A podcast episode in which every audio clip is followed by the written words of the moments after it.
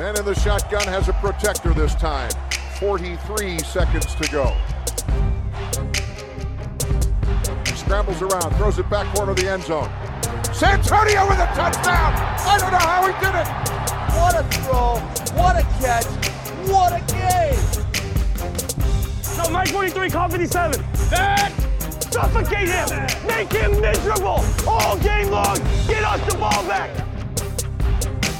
Could love him or hate him, but he was Brad.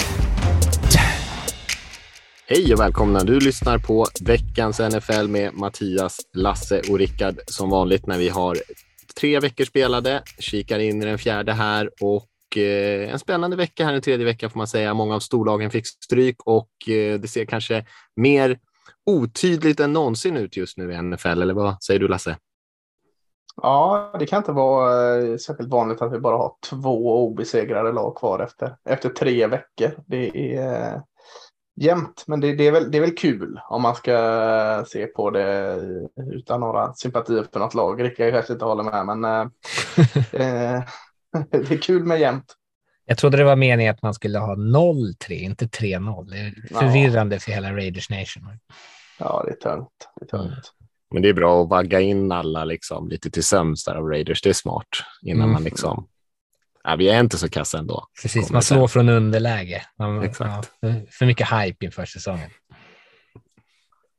Ja, vi ska ja. eh, klart eh, kolla lite på matcherna som spelades här i veckan. Och sen har vi en liten Alabama special där på mitten innan vi eh, kikar på nästa vecka. Där det är kanske lite ont om de riktiga stormatcherna, men det finns alltid någonting att titta på, så att vi ska väl dyka in i några av de grejerna i alla fall. Eh, men om man ska börja med den här vecka tre som spelades här så kan man väl säga att eh, ja, de stora grejerna var väl att både Bills och Chiefs förlorade. Det var ganska mycket skador på sina håll. Eh, men flera, flera, matcher där de hade stora problem, spelare som krampade och sånt där och fick kliva av. Och, ja, eh, lite stökigt, många jämna matcher som vanligt som det varit hela den här säsongen. Jag vet inte vad ni såg för någonting. Ja, jag såg... Eh... Ja, men jag såg... Ja, eh, ja tack. Tack. Eh, jag, jag såg Raiders förlora mot Titans. Det var ju förklart en förskräcklig match att titta på för eh, egen del, men också på två lag som liksom sumpar sina egna chanser. Eh, Titans höll ju på att ta, eh, släppa in Raiders i matchen igen, men Raiders då eh, sin vana trogen sumpade alla möjligheter som de sedan hade. Eh, lite slarv. Och sen så såg jag Chargers-matchen och blev jag som har suttit här och ropat efter att man vill se en, en, en riktig sån här pang-performance av Trevor Lawrence så tyckte jag att han spelade jättebra, eller anfallet spelade verkligen superbra och mot ett Chargers-försvar som jag är, har tidigare lyft och fortfarande tycker är skitbra. Nu saknade de Joey Bosa som klev ut, men eh, trots, eh, trots allt tyckte jag att Jaguars, eh, de hade nog flyttat bollen relativt enkelt ändå. Så eh, de två var det mina söndagsmatcher. Ja, två frågor då på, på de här matcherna. Jag har inte sett eh, någon av dem här, men, men eh, Raiders som förlorar här med, med, alla deras nya stjärnor så är det ändå Hollins som, som steppar upp och vad tog han för nästan 160 yards mm. eh, receiven där. Mm. Eh, hur kommer det sig? Jag vet inte, alltså jag tror att det är en dålig match egentligen med Devante Adams och både Carr och Josh McDaniels, för båda de två vill ju kanske liksom skissa upp situationer där man tycker att man har bra, alltså bra matchups. Och Adams är dubblad hela tiden, vilket gör att Carr blir lite tveksam om man ska lägga bollen dit. Och Adams blir lite mer av en, liksom en decoy för att öppna för andra. Och så hittar han då andra situationer ja. som är bättre. Ehm, men jag tycker ändå det är konstigt. Och det är så här, jag tänkte att Weller och, och Renfro de skulle lyftas då inte. Kanske Holland som jag har han. Ja, men just den här. Uh, nej, det är han inte. Han har ju varit med en, ett par år. Uh, ja. men Renfro var ute i den här matchen. Han fick en hjärnskakning i just det, samband ja, ja, med förra. Och, och Darren Waller hade en ganska taskig match. Han hade ett par drops sådär. Uh, men det, jag skulle ändå säga att, att Josh McDaniels har fått välförtjänt kritik för att man liksom, i de här måste-situationerna så går man, lägger man ändå inte bollen på Devante Adams. Alltså jag tror ju att, att här, det bästa chans, ja, då är måste man lägga boll på sina bästa spelare. Nu hade de typ en så här mm. fjärde och lång och då lägger de en, liksom en, en typ Hail Mary passning liksom till Mac Collins. Och det känns så här, ja, alltså så, så sjuk matchup, bra matchup har inte han. Liksom. Hitta ett situation där Davante Adams ska hamna bättre till. Eh, så det är ett missnöje eh, kring hur liksom de har förvaltat de här äh, investeringarna. För det är ju sjukt mycket pengar i anfallet och så är det ändå anfallet som äh, underpresterar hela tiden.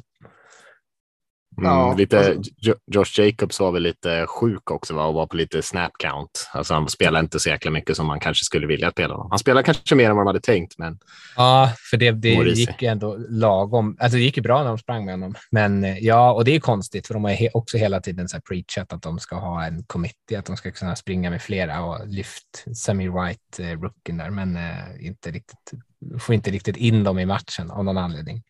Och Raiders är typ det mest passglada laget i eh, NFL, vilket också är konstigt tycker jag, med hur den offensiva linjen ser ut.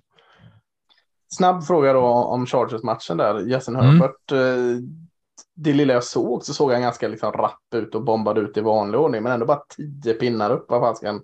Är det Jaguars försvar som steppar upp och är så jäkla bra? Eller vad, vad hände med uh, att, att Chargers defensiv liksom vek ner sig? En sak, men vad hände med offensiven? Ja, men alltså Chargers anfall, hade, framförallt så saknade de sin center Corey Linsley och sen i, jag tror att i tredje kvarten eller fjärde så går left tackler från Slater ut också. Eh, ja, Slater gick av det. Ja, precis. Så Jaguars defensiva linje spelade svinbra. Eh, så då mm. fick de ju press på Herbert hela tiden. Han var inte hundra, det märktes. Han, var, han, liksom, han är vanligtvis otroligt tuff i fickan och liksom kan hålla bollen och tack, liksom inte släppa den egentligen förrän han blir tacklad och han är ju nästan som bäst också. Eller i många matcher där han spelar riktigt bra så utnyttjar han sina ben eh, och det vågade mm. han inte riktigt göra här. Så det märktes att han inte var så här supersugen. Sen lägger han ett par riktigt snygga bollar ändå under matchen. Eh, men eh, alltså, Jaguars gick in med en ganska bra plan tycker jag också, att de plockade bort Mike Williams så gott de kunde eh, och sen försökte de tvinga honom att gå till andra receivers. Eh, och med Keenan Allen borta så märktes det att de kanske inte har de vapnen som liksom konsekvent kan vinna eh, egna matchups. Och när Herbert inte kan förlänga spel eh, så blir det liksom svårare för dem att flytta bollen. Mm, ja. Ja, mm. jag, jag det var väl en sån match där skadorna sänkte Chargers ja, lite grann får man ja. säga. Alltså, det är klart att de ska kunna hantera det där bättre än vad de gjorde. Men lite kul att den här Jaguars defensiva linjen som såg så bra ut på preseason ändå har tagit med det lite grann in i mm. säsongen. Här. Det ser riktigt giftigt ut. Mm, verkligen. Ja, jag såg eh, torsdagsmatchen där, eh, Steelers mot eh, Browns, ändå heta känslor, så där, den, den vill man ju sappa in här. Och jag har ju varit lite kritisk både mot eh, Trubisky, eller Trubisky har alla varit kritisk mot, men Jacobi Brissett har också sagt att eh, inte ens en bra backup har jag sagt innan. Förra veckan var han ju skitbra och jag tyckte även han var bra den här veckan, Jacobi Brissett. Så jag är jättepositivt överraskad över att Browns eh, har vad man har hittat och utnyttjat i Jacoby Brissett. Eh, och i kombination då med, med Nick Chubb i springspelet. Alltså är Nick Chubb nya Henry i frågan. Alltså han, han har ju aldrig en match av känns det som. Eh, galet produktiv och, och effektiv. Sen pumpade han honom rejält. Men, men, men det är min, min stora take från den matchen, vilket jag liksom inte, statistiken kanske inte riktigt backar upp på. Att jag tyckte även mitt Trubisky såg liksom ganska bra och rapp ut. Eh, och, och det, det minns jag inte att jag såg, eh, har sett honom någon, någon gång innan. Så jag ska nog backa lite och säga att man ska tänka NFP eller eh, ja, picket där, andra eller andra kuben. För jag, jag tycker, tycker att Trubisky såg helt okej okay ut eller, eller eh, riktigt bra ut. Men, men, jag vet inte om det var jag som såg synen. Ganska otrolig mottagning från Pickens där också, rookie receivern. Ja, men, Lite men det är ju, Odell-vibes. Precis, men det är ju en sån, alltså, han gör den, sen gör han inte så jättemycket mer i den matchen. Eh, han har höga, höga toppar och, och djupa dalar, Pickens, men, men eh, ja, sjukt, sjukt snygg catch, helt klart. Det som jag, om du, om du ändå kollar på den, så det som jag eh, jag har bara sett delar av det, men som jag känt missnöjd med Steelers de andra veckorna är att de inte riktigt har kunnat etablera ett springspel överhuvudtaget. Att, eh, att de liksom inte får igång. Man hade ju väntat sig att Harry skulle ta det här steget eh, och liksom bli en, en superstjärna. Eh, sen har de kanske inte den offensiva linjen för det, men eh, hur såg det ut den här matchen? Det känns ganska fantasilöst tycker jag. Eh, lite, alltså, lite som det såg ut med Zeke Elliot när han var, när han efter hans fina år där när det gick ner lite. Alltså att man kanske lägger lite för mycket vikt att han ska skapa saker själv mm. nu. Eh, och det går ju inte så jäkla bra med den linjen. Alltså jag tycker ändå han, man ser ju att han är bra, men man, ja, jag tror lite mer fantasifull playcalling i hur han springer så, så uh, tror jag det skulle låsas upp. Han är ju ändå liksom uh, tung och pålitlig så att jag tror man, man ska inte ge upp på honom, men man kanske ska uh, skriva lite mer variation och låta honom få chansen där. Mm. Mm, intressant. Jag såg eh, lite från den här Chiefs Colts-matchen också, eh, som var kanske en av de stora skrällarna då, där Colts hade ju sett ut som nästan ligans sämsta lag här de första två veckorna. Och sen så slår de Chiefs helt plötsligt. Eh, och gjorde väl en, liksom, en ganska ganska bra match generellt. Det var ju liksom jämnt länge. Sen så var det ju kanske Chiefs som inte riktigt utnyttjade de möjligheterna de hade. De fick inte in touchdowns när de kom ner i närheten av red zone, tappade några bollar där till och med i målområdet. Missade lite field goals, hade ju, försökte ju på sig på ett fejkat field goal som de också misslyckades med där nere. Och sen så hade de ju på sista driven hade de ju chansen att stoppa Colts då, hade i stort sett gjort det, men så åkte Chris Jones, defensiva linjespelaren, på en, en unsportsmanlike där och gav dem eh, en first down och 15 yards och sen så kunde de ju driva ner och ta hem den matchen Colts. Så att eh, Chiefs kanske slarvade bort det där. De spelar ju inte jättebra och det var ju en jämn match. Så det var inte så att de vann helt oförtjänt Colts, men eh, Kansas City har nog lite att gräma sig över ändå, att man slarvade bort den. Mm. Eh, ja, jäkligt eh, överraskande måste jag säga. Ja, verkligen. Eh, ja, jag, jag såg eh, Saints Panthers också av någon anledning. Skulle sappa in och se den. Eh, fattar fortfarande inte riktigt eh, slutet att, att Panthers vann den här matchen. Eh, jag tyckte eh, Saints offensiv, sen var Winston det här eh, passar för 350 år med två picks, liksom som, det, det, kan man ju inte göra, men eh, jag tyckte Alvin Kamara så, såg ut i, i hyfsat gott slag. Olav, eh, jättefin match i rookie-receiven och, och eh, även Smith och Thomas är bra matcher i receiven. Så jag får inte riktigt ihop att, att uh, Baker Mayfield som Visserligen inte pass, passa bort någon pick, men var inte storartad. McCaffrey som vanligt i fint slag såklart, men, men ja, jag får inte riktigt ihop att slutresultatet ändå blev eh, vinst till, till, eh, till Panthers. Nej, jag såg inte den matchen, men ja, det är intressant att du sappade in den. Det är min största mm. takeaway. jag, jag kollade, kollade snabbt lite på den här Ravens Patriots matchen också eh, och mest, blev mest fascinerad över att eh, eh, liksom ännu mer hela tiden landar i Lamar Jacksons eh, knä i det anfallet. Eh, och han spelar ju fenomenalt tycker jag. Eh, och, men att de inte kan få igång ett springspel på något annat sätt än med honom. Eller att, jag vet inte om det är medvetet eller om de har svårt bara att få till det, men det känns som att det är så mycket som ligger i att han ska bära anfallet. Eh, nu har han gjort det jättebra eh, liksom egentligen alla veckor än så länge. Eh, men det känns, jag, vet inte, jag tycker det känns oroväckande, lite som man kan få med, med Josh Allen i, i Bills, lite samma känsla av att så här, de, det kommer behövas ett komplement i anfallet för att det inte ska bli så här enkelt. Alltså, det, det, är svårt att stoppa det, men det blir så, så känsligt om det är så här, ja, det är en liten dålig dag eller att man bara sitter och väntar på att någon gång kommer någon av de här skada sig i något olyckligt spel och då kommer allting bara fallera.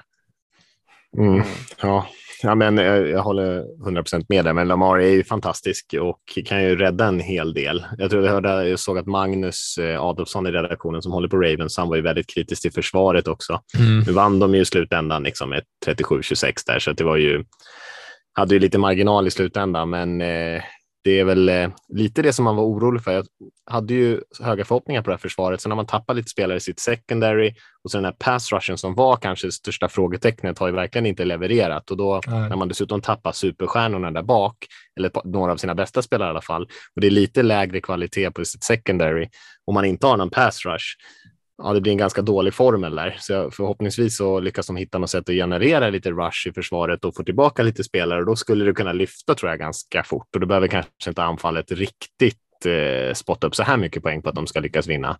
Men eh, ja, lite grejer har de att fundera över. Mm. Ja, dansat runt ett, ett par matcher. Känner att vi måste någonstans landa i Bills Dolphins va? Mm. Ja kan ju inte bara gå vidare till nästa vecka utan att ens nämna Bills Dolphins. Det hade varit styggt. Mm. Det var väl också en sån där match där kanske Bills flyttade bollen. Jag tror hade de nästan dubbelt så mycket yards som Miami eller något sånt där. Så flyttade bollen hyfsat, eh, men hade ju ett gäng fumbles. I och för sig bara en som de tappade. Men, eh, och sen så blev det ju en snackis på avslutningen också när de inte lyckades klocka bollen i slutet och klockan rann ut eh, mm. på sista driven. Och det kändes ju väldigt eh, obilsigt att vara så eh, inte kalla i slutet och eh, blev ju lite viralt det klippet från Dorsey där, Osen som eh, ja, tappade det kan man säga i coachboxen och började slänga iPads och allt möjligt där uppe. Så man är inte supernöjd kanske. Eh, men kanske en sån där match som man egentligen borde ta. Miami, de är ju de är ju rätt bra ändå. Alltså de, de, de är, det är väl inte liksom en jättekatastrof att förlora över dem. Men eh, kanske precis som Chiefs, en sån där match där Buffalo tänker att den där borde vi kanske egentligen ha vunnit och att man kanske slarvar bort den själv. Ja, och man, Bills är fort, är fortfarande eh, svinbra. Liksom. Alltså det, det är så att mot Josh Allen framför allt är svinbra. Men man måste ju hitta någon annan. Det kan inte vara att Josh Allen passar 63 gånger per match. Eh, mm. det, då, då, då kan man gameplana efter det. De, de måste ju få, eh, få igång mer i springspelet. Eh, Singletary gör ju sitt i, i passspelet också såklart, men, men de har ju ja, Zach Moss och Singletary, de, de, måste få ut mer av den biten. Nu kommer de vinna sina matcher på grund av att Josh Allen kan springa själv med bollen så jäkla bra och att han är så jäkla bra och passa eh, och att försvaret vanligtvis är bra även här. Men, men eh, lite anmärkningsvärt att det är så liksom, enkelspårigt trots att det är jäkligt bra. Statistiken är förskräckligt rolig att titta på för att Bills hade bollen i 40 minuter och 40 sekunder mot 19-20 mm. då för Miami. De hade 90 spel totalt. Miami hade 39. De hade ja, 497 yards och Miami hade 212. Liksom. Så det är... Oj, det var ännu värre än vad jag trodde. Ja. ja. så det är bara så. Och det är, det är den typen av match Bills borde ha vunnit. Och det är så otroligt mycket som måste liksom gå Dolphins väg för att de ska kunna plocka den här. Eh, även fast de själva gör den här butt-panten när de panta ja, bollen i rumpan på sin egen spelare. Eh, men det är så mycket som går rätt för Dolphins när, när man väl tittar på det. Så om man är Bills-supporter så tror jag inte man ska känna sig särskilt orolig över att en sån här ganska eh, jag skulle säga att den här matchen är ett, ett undantag, inte ett, ett orosmoln. Eh. Ja. Nej, det håller jag, jag lite oro kring, eh, kring springspelet. Eh, det har man ju haft i hundra år. Ja. Eller i alla fall ända sedan. Vad hette han? Steve Jackson, han som var så jäkla bra uh, running back för, för hundra år sedan i Bills. Saknar ja. honom innan. Fred Jackson eller? Jag kanske hette. Steven Jackson, det var ju, det var ju Rams, gamla Rams. Ja, exakt. Ja, just det. Fred Jackson. Ja, ja, någon Jackson i alla fall. Men vad säger vi om eh, Tiger Valoas? Alltså han snubblar ut med, vad fan det måste ju varit en hjärnskakning. Och så ja. sen är han inne igen. Alltså vad fan ska han... Eh, det kändes ju jäkligt eh, skumt. Alltså hur någon kunde släppa in honom på plan igen. Mm, men han går väl i alla fall ut i halvtid, va? kommer ut och spelar efter halvtid, så de har i alla fall haft tid att göra tester på honom ordentligt. Eh, så han kommer ju inte direkt in. kan annars liksom, liksom ha gått. Eh, Vad är det för tester? Ja, nej, ja, det vet jag inte. Det. Vill du spela? ja, säger han och så. Men då, du, du är good to go. Jag, fan, det här eh, hjärnskakningsproceduren eller protokollet man följer. Ja, fasken, det känns shady alltså. Jag, var, jag mådde lite dåligt när jag såg honom liksom komma in igen eh, med tanke på de scenerna. Liksom, han kunde knappt stå på sina ben när han eh, gick ut där. Ja. ja, nej, det såg inte jättebra ut för ligan kan man inte säga. Nej, verkligen inte. Vi hade ju lite stormatcher sen som inte blev så himla eh, mycket fyrverkeri i. Eh, Packers spöar ju Buccaneers 14-12 och det får man ju vara nöjd med såklart på bortaplan och man gör ju en, en ganska bra match där. Men orosmomentet är kanske på andra sidan där vad Tampa Bays anfall håller på med att man inte lyckas få mer produktion och sen så var det ju även, eh, kanske inte stor match, men eh, två i alla fall lag som var lite hypade inför säsongen med 49ers och eh, Broncos som slutade 10-11 efter att Broncos äntligen fick lite liv i sitt anfall precis i slutet av matchen och kunde driva för vinst där. Eh, och den hade man väl kanske lite symboliskt. Sen Garoppolo tog över där i 49 så har man inte superövertygat kan man inte säga och han hade ju en där Eh, många som drog liknelse till den här gamla Dan Orlovsky-spelet när han sprang liksom en, en och en halv meter utanför plan och, och, och, inte fattade att han var utanför plan. Nu var han inte Garoppolo riktigt så långt ut, så det var inte riktigt lika illa kanske, men han kastade ju också en pick six på spelet som inte blev då eftersom det var en safety, för han var redan utanför plan när han kastade den. Men eh, kanske lite symboliskt för hur eh, mycket flyt det är i det där 49ers-anfallet just nu. Mm. Ja. Stackarn. Ta tid för Russell Wilson också att komma in i, i, i uh, bra form i Denver också. Såg ju inte alls så, så jättespännande ut. Nej, Nej verkligen.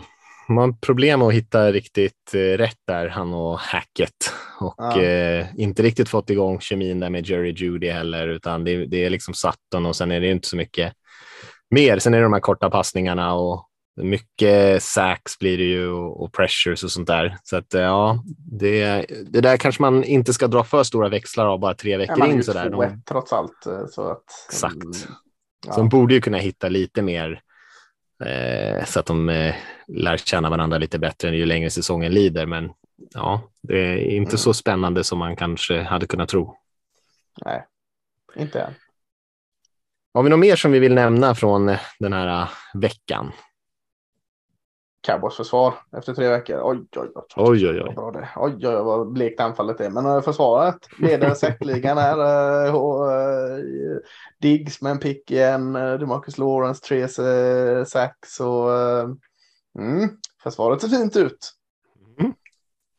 Bara det att nämna. Jag skryter inte så mycket över vinsten mot Giants. Trots att de var obesegrade så känns det som att uh, Just det. det, det är en, jag sparar mitt skryt till en senare vecka förhoppningsvis.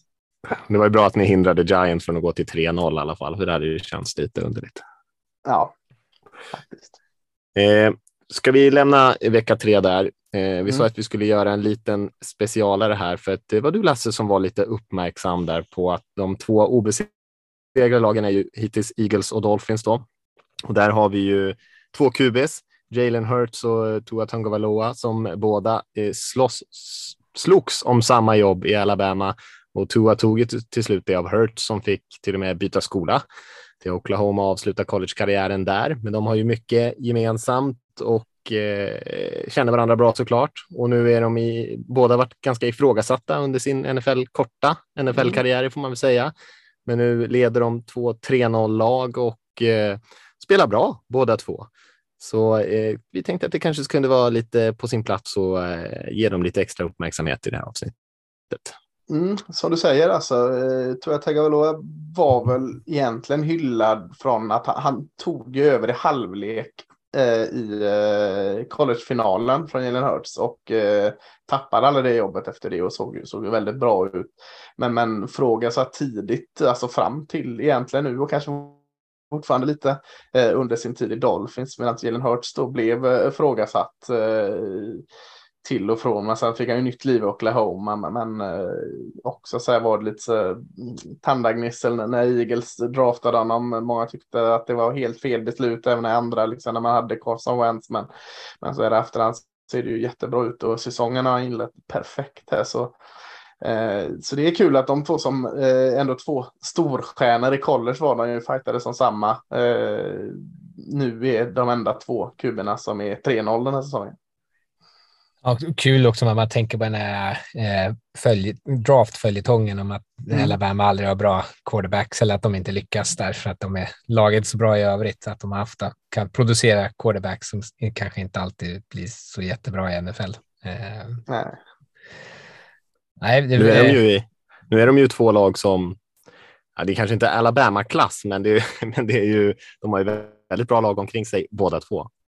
Ja, för jag tänkte att man ska kolla det. Alltså, nu, nu eh, får vi se hur länge de här lagen håller förlustnollan eh, intakt här. Men, men som du säger, det är ju två lag med ganska spännande. Om man då kanske ska fokusera lite mer på anfallen här då och se liksom vad de här quarterbacksen har att jobba med. Så, så, eh, så är det ju, om vi ska kolla på Tua så har han ju Jalen Weddell jättefin match senast. Tarek Hill, eh, fantastisk match veckan innan där.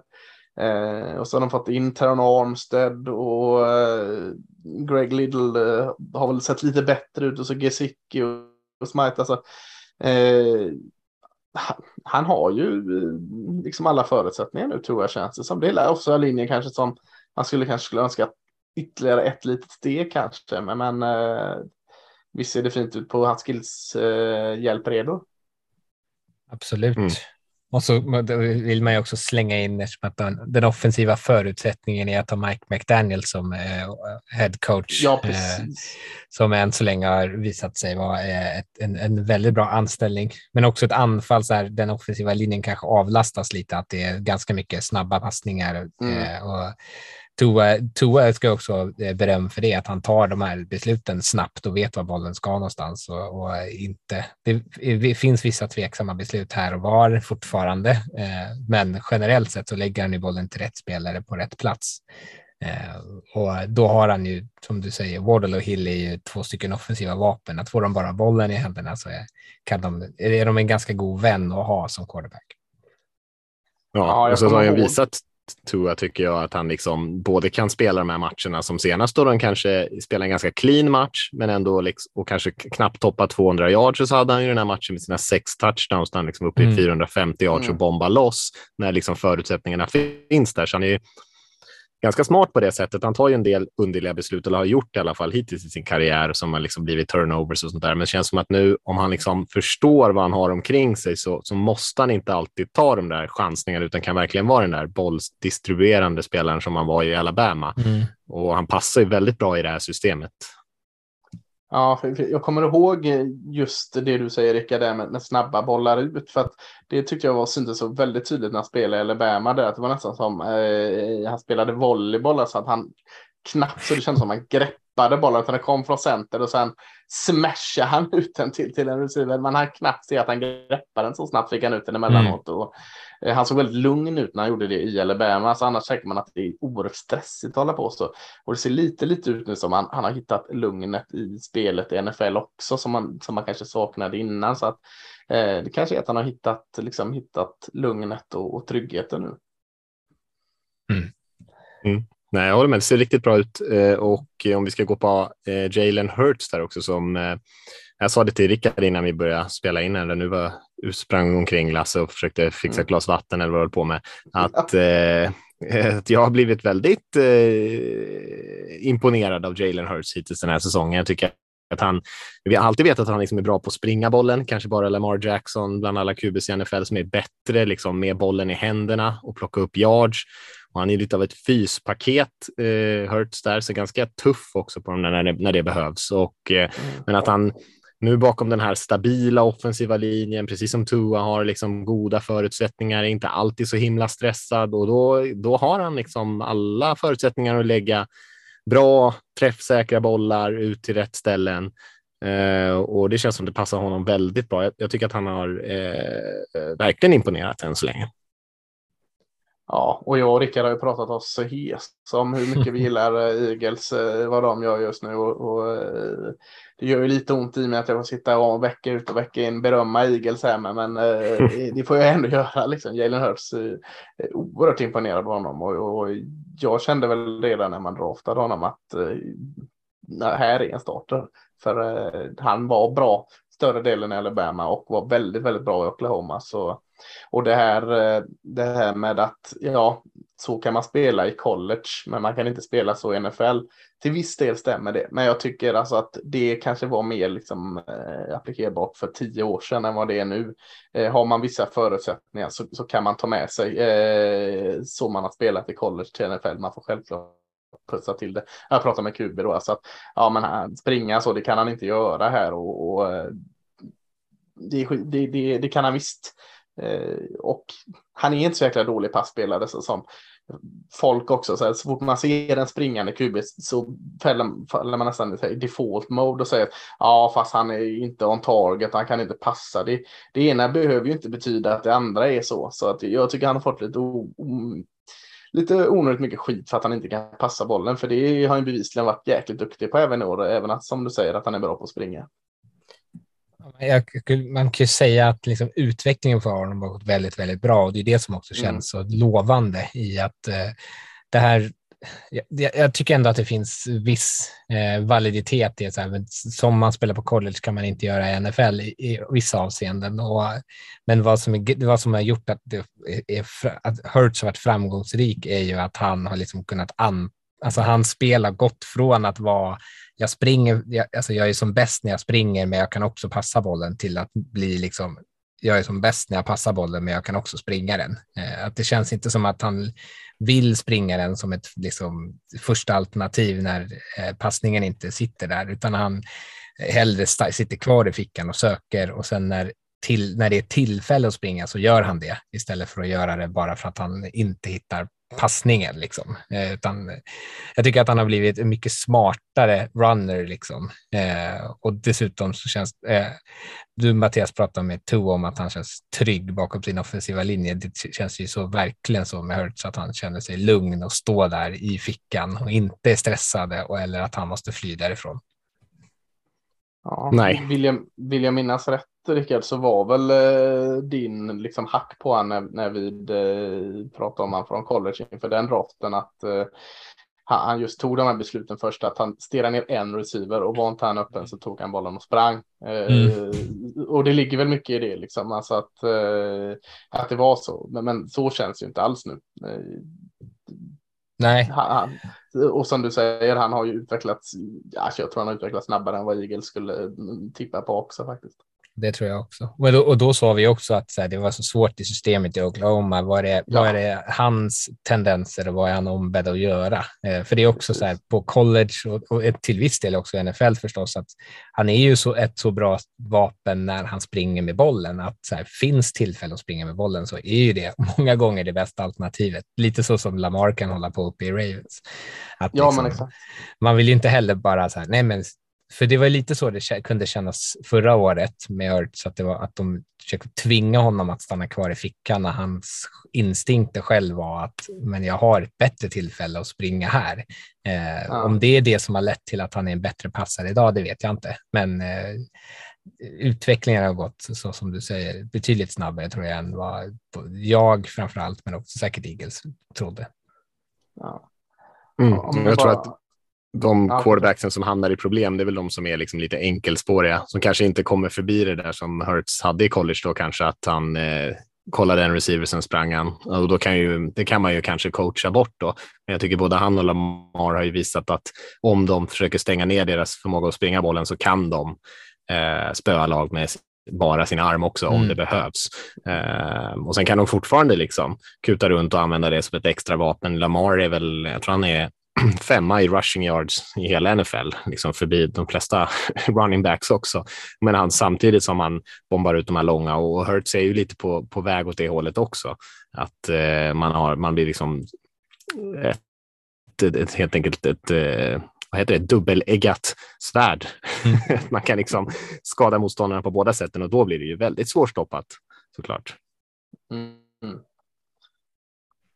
Mm, mm. Intressant med de där två. De lär ju fortsätta. Eh, om de fortsätter så här så kommer det bli mer snack om dem. Än så länge är det inte så himla mycket snack om de här två, känns det som, eh, utanför de respektive städerna de spelar i. Liksom. Men eh, eh, om de fortsätter leverera på den här nivån så ja, då lär de få lite mer uppmärksamhet. Ja, det är dags för Mac Jones att steppa, steppa upp lite här nu för att ta upp eh, som tredje eller Alabama-kuben där. Han var väl eh, tredje backup bakom dem på en säsong. Så eh, dags för han och New England. Han såg väl inte så där supervass ut i förlusten mot Ravens. Han gick väl också ut skadad nu så vi lär väl på se, vänta ja. ett par veckor innan han kommer tillbaka. Ja. Ska vi lämna våra eh, kära Alabama quarterbacks och hoppa in i vecka fyra?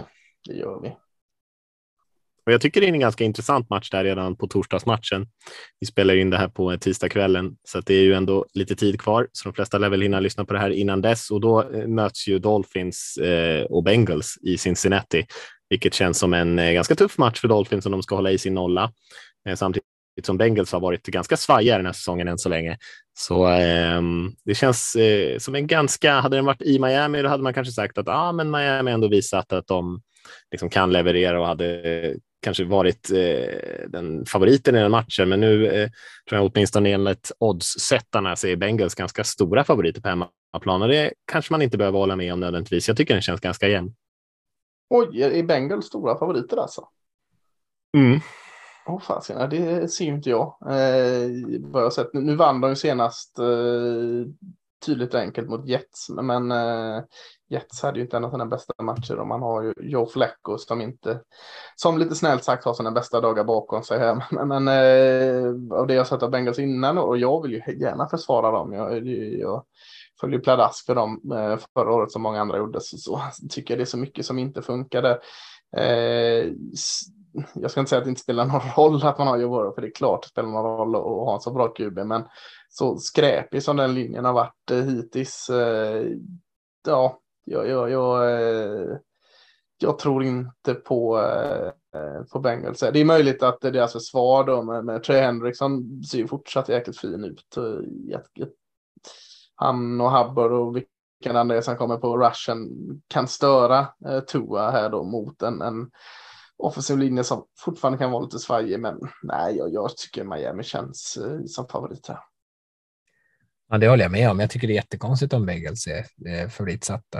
Eh, Miamis försvar har ju spelat bra dessutom. Eh, mm. jag, jag, tror inte att eh, Bengals, alltså jag tror att vi snarare kommer se ett Bengals som har fortsatta offensiv, liksom problem med sin offensiva linje mot Miami. Jag tror att Miami kommer kunna dominera, alltså eller inte dominera, men kanske åtminstone kontrollera liksom, eh, the line of scrimmage. Eh, och då tror jag Bengals kommer få problem. Nu lossnar det lite. T. Higgins hade en bra match bland annat. Eh, och eh, Boyd hade väl en bra match rent yardsmässigt. Eh, det är väl det som behöver liksom sitta igen. Eh, pass, springspelet med Joe Mixon funkar ju fortfarande inte. Ehm, och det är såklart att det inte gör det med den här linjen. Ehm, jag, jag, känner ändå en viss oro fortfarande över Bengals. Man vinner över Jets, men jag tror inte, lite som du är inne på, alltså, jag tror inte man ska liksom stå och skryta över det och tycka att så här, det här är vändningen. Eh, det var nog snarare bara liksom en paus i bedrövelsen. Mm. Mm. Jag kanske överdrev lite när jag sa att de var stora favoriter. De är fyra poängs favoriter. Då brukar man ge tre poäng till hemmalaget. Eh, men eh, så att de är väl knappa favoriter på neutral mark och eh, hyfsat tydliga favoriter på hemmaplan i alla fall enligt eh, Vegas. Men jag håller med. Jag, jag, skulle nog luta åt att Miami vinner den där matchen snarare än tvärtom. Mm. Ja, och no någon kommer ju, Ila Apple kommer ju behöva hålla någon av Wardle eller Hill där och där kommer det bli lekstuga. För Ila Apple ser jäkligt svajig ut i konen där i uh, Dolphins. Uh, så vi, får se. Hoppas det blir en matchup mellan han och Wardle. Det kan bli, kan bli ytterligare en fin afton för Wardle. Då. Mm. Waddle, alltså han är, ja, man gillar ju Waddle. Han är ju grym mm. tycker jag. Det är klart, Tyreek Hill får ju mycket uppmärksamhet och han är ju såklart mer etablerad. Men eh, ja, de är verkligen ett A, ett B där just nu. Mm. Vad har vi för mer för spännande? Vi har ju Bills Ravens. Eh, eh, Ravens då som har haft kanske lite problem här och var här i början på säsongen, men ändå liksom lyckas ta hem lite vinster. Och sen så har vi Bills då, som har varit sett ut som det överlägset bästa laget får man väl ändå säga i ligan än så länge. Mm. Eh, och hade sin lilla hiccup här då senast. Men eh, känns som en ganska kul match ändå, särskilt eftersom den spelas i Baltimore. Ja, eh, jag tror att det är de två mest produktiva anfallen eh, än så länge totalt sett, eh, både till yards och poäng och poäng per serie. Eh, om de inte i alla fall åtminstone topp tre bara två kanske. Jag vet inte om Miami har smitit in där. Eh, så det känns ju som en, en, match där det dessutom kommer spottas upp en hel del poäng. Och ja, så som det har sett ut i år så kan det ju bli den raka motsatsen då förstås. Eh, men på pappret i alla fall så känns det. Eh, och två eh, un, riktigt underhållande QBs då som sagt, båda som i stort sett ensamma bär sitt anfall.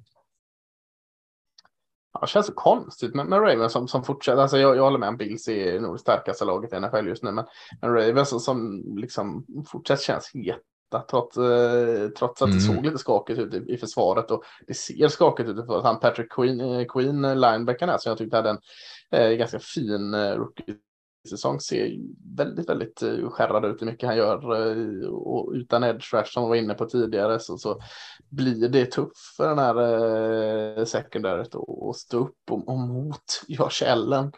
Uh, det, det, känns lite tufft för det försvaret, men samtidigt som ni också var inne på, här med två Eh, oerhört produktiv offensiv. Jag blir extra glad med mitt eh, Texas-hjärta då i college att Devin Duvernay eh, är receiven här som ingen pratar om. Liksom. Kanske pratar om att han är special team-spelare. Jag tror han har fyra eller kanske till och med fem touchdown redan. Eh, eh, speediga, jag vet inte om han är tredje receiver eller vad han är där, men, men eh, både Rashad Bateman och Devin Duvernay i god form eh, med Lamar Jackson och så eh, ja, kanske Dobbins får ännu mer eh, carries här nu så att Eh, en eh, oerhört kul offensiv match. Mm, håller med. Lite, lite kanske tuffare för Lamar att vara hjälte i den här matchen. De har ändå ett ganska bra försvar i Bills, men de saknar ju lite spelare, både i sitt secondary, eller framförallt i sitt secondary, både på safety och cornerpositionen. Jag vet inte exakt hur eh, skadestatusen är på några av de där lirarna, men eh, kanske öppna lite för dem att hitta några av de här långa passningarna som de har gjort, framförallt i Duvernay kanske. Ja, mm. Bills drog, drog ju på sig en hel del känns det som skador mot med, med, med och, eh, de hade ju redan en del skador. Eh, mm. Menar, det är en del spelare som står som questionable här i, i, i, nuvarande injury report. Det kan ju se ut lite som helst, men om både Jordan Phillips och Ed och Oliver missar matchen, om Jordan Poyer safety missar matchen så, blir, så öppnar det ju upp ännu mer. Eh, ja, jag, jag, jag, tror att Raven, jag tror faktiskt att Ravens vinner den här matchen.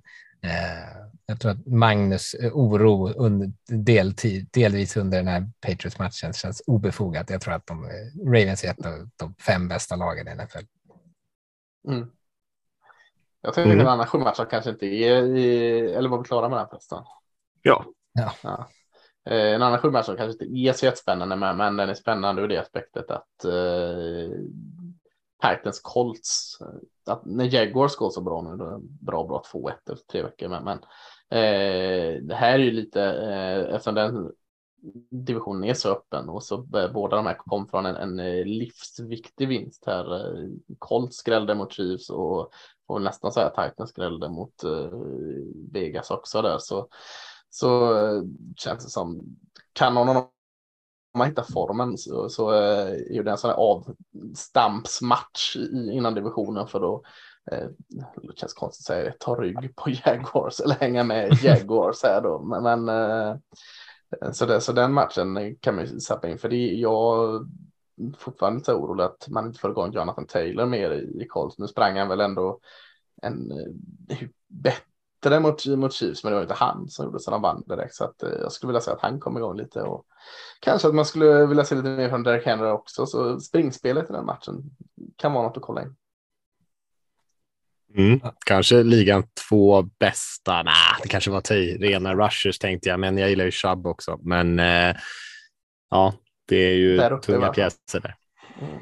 Det kan svänga snabbt. Jag, vill jag bara lägga till då, eftersom att jag skrattade åt Colts för att jag tyckte att det var sämst i NFL förra veckan. Mm. Eh, och sen liksom, vinner de nu så kan de mycket väl ta liksom tillfällig divisionstitel eller ledartröja. För att eh, om man hoppar till en annan spännande match då, så möter ju Jaguars Eagles äh, och det, ja. det, finns ju ganska övervägande risk att de på bortaplan torskar den matchen äh, och då skulle ju Colts, eller något av Colts eller Tennessee kommer ju ta divisionsledning då. så det känns ju intressant och den anledningen. Men Jaguars Eagles är inte kalasmatch då med Lawrence som spelar så bra och Hurt som vi redan har pratat om. Och den är defensiva. Doug Peterson. Ja, just det. Doug Peterson kommer tillbaka till Philly. Eh, ska han börja matchen med en sån Philly special eller? Dra ner dem i, i red zone och köra den. Ja, men alltså det, det ligger väl någonting i att Pearson kommer hem här, eller hem, han är ju från eh, andra men, men att han kommer tillbaka till Tigels här och, och han, han eh, vill ju såklart visa här och, och har väl fortfarande lite inside på dem. Eh, säger jag inte att man ska lägga all vikt i det, men, men något måste det väl ligga i det. Ja, och han var ju verkligen sån här, det är ju verkligen en revenge game, för han fick mm. ju inte lämna under vänskapliga former direkt, Nej. utan det var ju verkligen eh, uttvingad bara ett år efter, var va? Efter, ett år efter Super Bowl-vinsten. Mm. Så fick han liksom eh, kicken där, eh, trots att han nog själv tyckte att det var ganska oförtjänt. Det var ganska mycket konflikter med sportchefer och ägare och allt vad det var. Eh, så eh, han skulle nog väldigt gärna eh, spöa på eh, Eagles på hemmaplan och eh, som vi pratade om där lite grann. Vi gjorde en liten coach special inför säsongen där och vi var väl alla överens om att Peterson kändes som en väldigt eh, eh, bra och intressant eh, anställning av Jaguars för ett lag som eh, kanske haft ja, under lång, lång tid haft problem att liksom få ordentlig struktur och styr på det där bygget. Eh, och nu känns det som att man eh, i alla fall så här tre veckor in på säsongen tagit ganska stora kliv i rätt riktning. Ja, och ja. Den här, nu har de ju, vann de ju mot eh, Chargers här. Vinner de den här matchen så är, måste man ju ta dem på allvar. Liksom. Alltså då eh, jag sa det här innan när man satt och tittade på vilka matcher som är bra så skär det lite i ögonen och, och bara ser Jacksonville och tänker att det här blir en bra match. Eh, men de har varit ganska dåliga ganska länge. Eh, men liksom, kan de spöa Eagles nu så är det ju verkligen en sån statement match om att de är, är ett av de bättre lagen. Ja, mm, då är de ju divisionsfavoriter får man väl ändå säga om de lyckas ta den här också med tanke på att Colts och Titans har ju inte sett jättebra ut hittills. Ja. Uh. Jag tänker också eh, Eagles försvar som varit väldigt, väldigt bra. Det pratat mycket om offensiven nu, men Eagles försvar har också sett jättebra ut. Men en sån här match måste vara ganska svår liksom att uh, gameplana för ett försvar för att Trevor Lawrence, om han nu kan fortsätta uh, på det här hållet med sin fina matcher mot Chargers så är det väldigt, det är ingen tydlig liksom eh, nummer ett receiver eller nummer ett. Alltså, han bombade ut bollarna eh, alltså, i stort sett till eh, fyra eh, receivers och, och, och, två running backs. Så att eh, det är väldigt svårt liksom och, och som, som eh, Rickard säger om det var inte Edda som tar dubblar honom. Alltså, här, du kan inte liksom dubbla Christian Kirk eller säg Jones eh, eller Marvin Jones eller Alltså, så det måste vara väldigt svårt liksom, att planera efter var, var, var bollarna kommer landa för att det är, det är såklart att man vill ha en tydlig nummer ett eh, receiver här, men, men, här kan det också vara en fördel av att ha en sex, sju spelare som eh, har hittat kemin med Lawrence. Ja, och Kirk som man skrattade åt inför säsongen att Åh, hur kan de ge så mycket pengar till honom har ju spelat jättebra. Ja, men det kan man väl fortfarande inte göra. Ja, alltså att de gav honom så mycket pengar. Så ja, det kanske man kan skratta åt. Ja, eh, ja. Men ja, hoppas, jag att, hoppas att Etienne kan komma igång eh, lite mer. Han är ju eh, han är ju med liksom i gameplanen, han fångar ju en del passningar och får ju springa bollen en hel del. De delar ju nästan på jobbet med, mellan honom och Robinson där. Mm. Men jag tror att det finns lite mer att hämta där. Han får ju lite mer att göra för varje match, så vi får se var det slutar. Jag tänker att de inte helt vill eh, sluta använda Robinson heller, som också är en bra spelare. Eh, men jag eh, tror att Etienne, han har mer att ge tycker jag. Mm, nej, jag håller med. Vad har vi mer för spännande där då? Det är ju inte så mycket bland sju matcherna som känns superintressant utöver de vi redan har nämnt. Eh, vi har ju Broncos mot Raiders som absolut måste match för Raiders, förutom att det är inom divisionen mm. också, så kan man inte gärna gå till 0-4. Det är inte många 0-4 lag som har tagit sig till slutspel, men det är inte många. Houston gjorde det för senast tror jag med, med Dijon Watson eh, något år. Gick långt in i slutspel, men det är väl typ undantaget. Ja. Mm. Eh, släpp, sist, eh, släpp sista lågan här om, om det för, blir förlust, Rickard. Ja, ja, det gör den. Du frågade mig innan sändning om jag fortfarande ja. lever på hoppet eh, och, och, det gör jag ju eh, för att jag är dum. Men eh, Eh, Eh, jag tänker mig att det kommer bli bättre och bättre, eh, men hamnar man liksom 0-4 så är ju uppförsbacken alldeles för brant. Den är ju väldigt, väldigt brant redan nu. Eh, men eh, men du sa, vi pratade, du sa Mattias att Doug Peterson var en jättebra anställning här och då, nu är det ju väl två huvudtränare som är, har varit ute på djupt vatten än så länge, Nathaniel Hackett i, i Denver där och eh, Josh McDaniels i Las Vegas. Båda är ganska hårt kritiserade av sina egna eh, fanbases eh, med, med all rätt också. Med, liksom bara att man har tänkt sig att det skulle vara någon sorts offensivt fyrverkeri och så har det varit bara magplask på båda håll.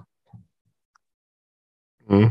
Och Hackett kanske ännu mer än McDaniels än så länge med tanke på att han både dels har en ny, liksom, ah, vad många i alla fall anser vara är en superstjärna QB som de har betalat en jävla massa pengar och, eh, och kommer in och systemet klickar inte riktigt. Han har haft en hel del sådana här game management grejer. Vet ju när de kickade det långa field goalet istället för att spela på fjärde. Um, och en del andra grejer. Så att jag håller med. Det är verkligen två coacher som skulle må bra av en seger. Jag tror inte att McDaniels kanske sitter riktigt på heta stolen, men en Hackett däremot, om fortsätter se så här dåligt ut så uh, ja, det är alltid någon coach som ryker efter ett år känns det som. det är lite tidigt att prata om det än så länge, men uh, som du säger, kritiserade och behöver visa att de är liksom rätt personer på rätt plats. Mm. Men man kan ju se det så också. Alltså att, eh, visst, jag har ju sett eh, klappkast ut många stunder i Broncos offensiv, men man ligger 2-1. Alltså man, man, har kommit ur det här, eh, alltså kommer man ur det här med eh, och börja hitta en connection i offensiven så har man ändå tagit två segrar när det inte har sett bra ut. Så att man har ju ett helt annat läge än eh, en Raiders här till exempel som också haft problemen men inte fått med sig resultaten. Eh, Broncos har fått med sig resultaten och, och kan leva, eh, luta sig mot det här eh, självspelade pianot till, till försvar. Så att eh, lite andrum där har han hacket.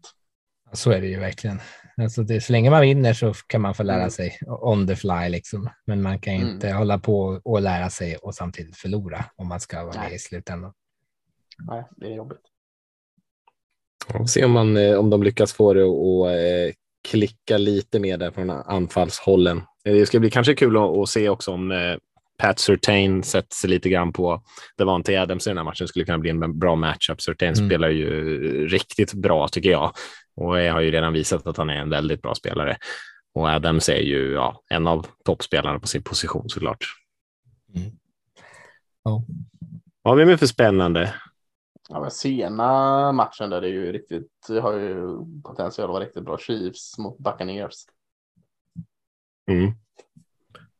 Båda torska senast. Båda torska, ja. Eh, var lite eh, också där, eh, inte van att se kanske med Holmes. Eh, gör väl saker okej, okay, men man har blivit lite bortskämd där. Han gör, han gör en kanske inte en direkt dålig match, men i alla fall medioker match. Eh, eh ser man inte så ofta två matcher i rad. Eh, så, så eh, se reaktionen där. Eh, samtidigt var imponerad av Julius Smith-Schuster. Eh, tycker han kommer in i det mer eh, och mer varje match. Eh.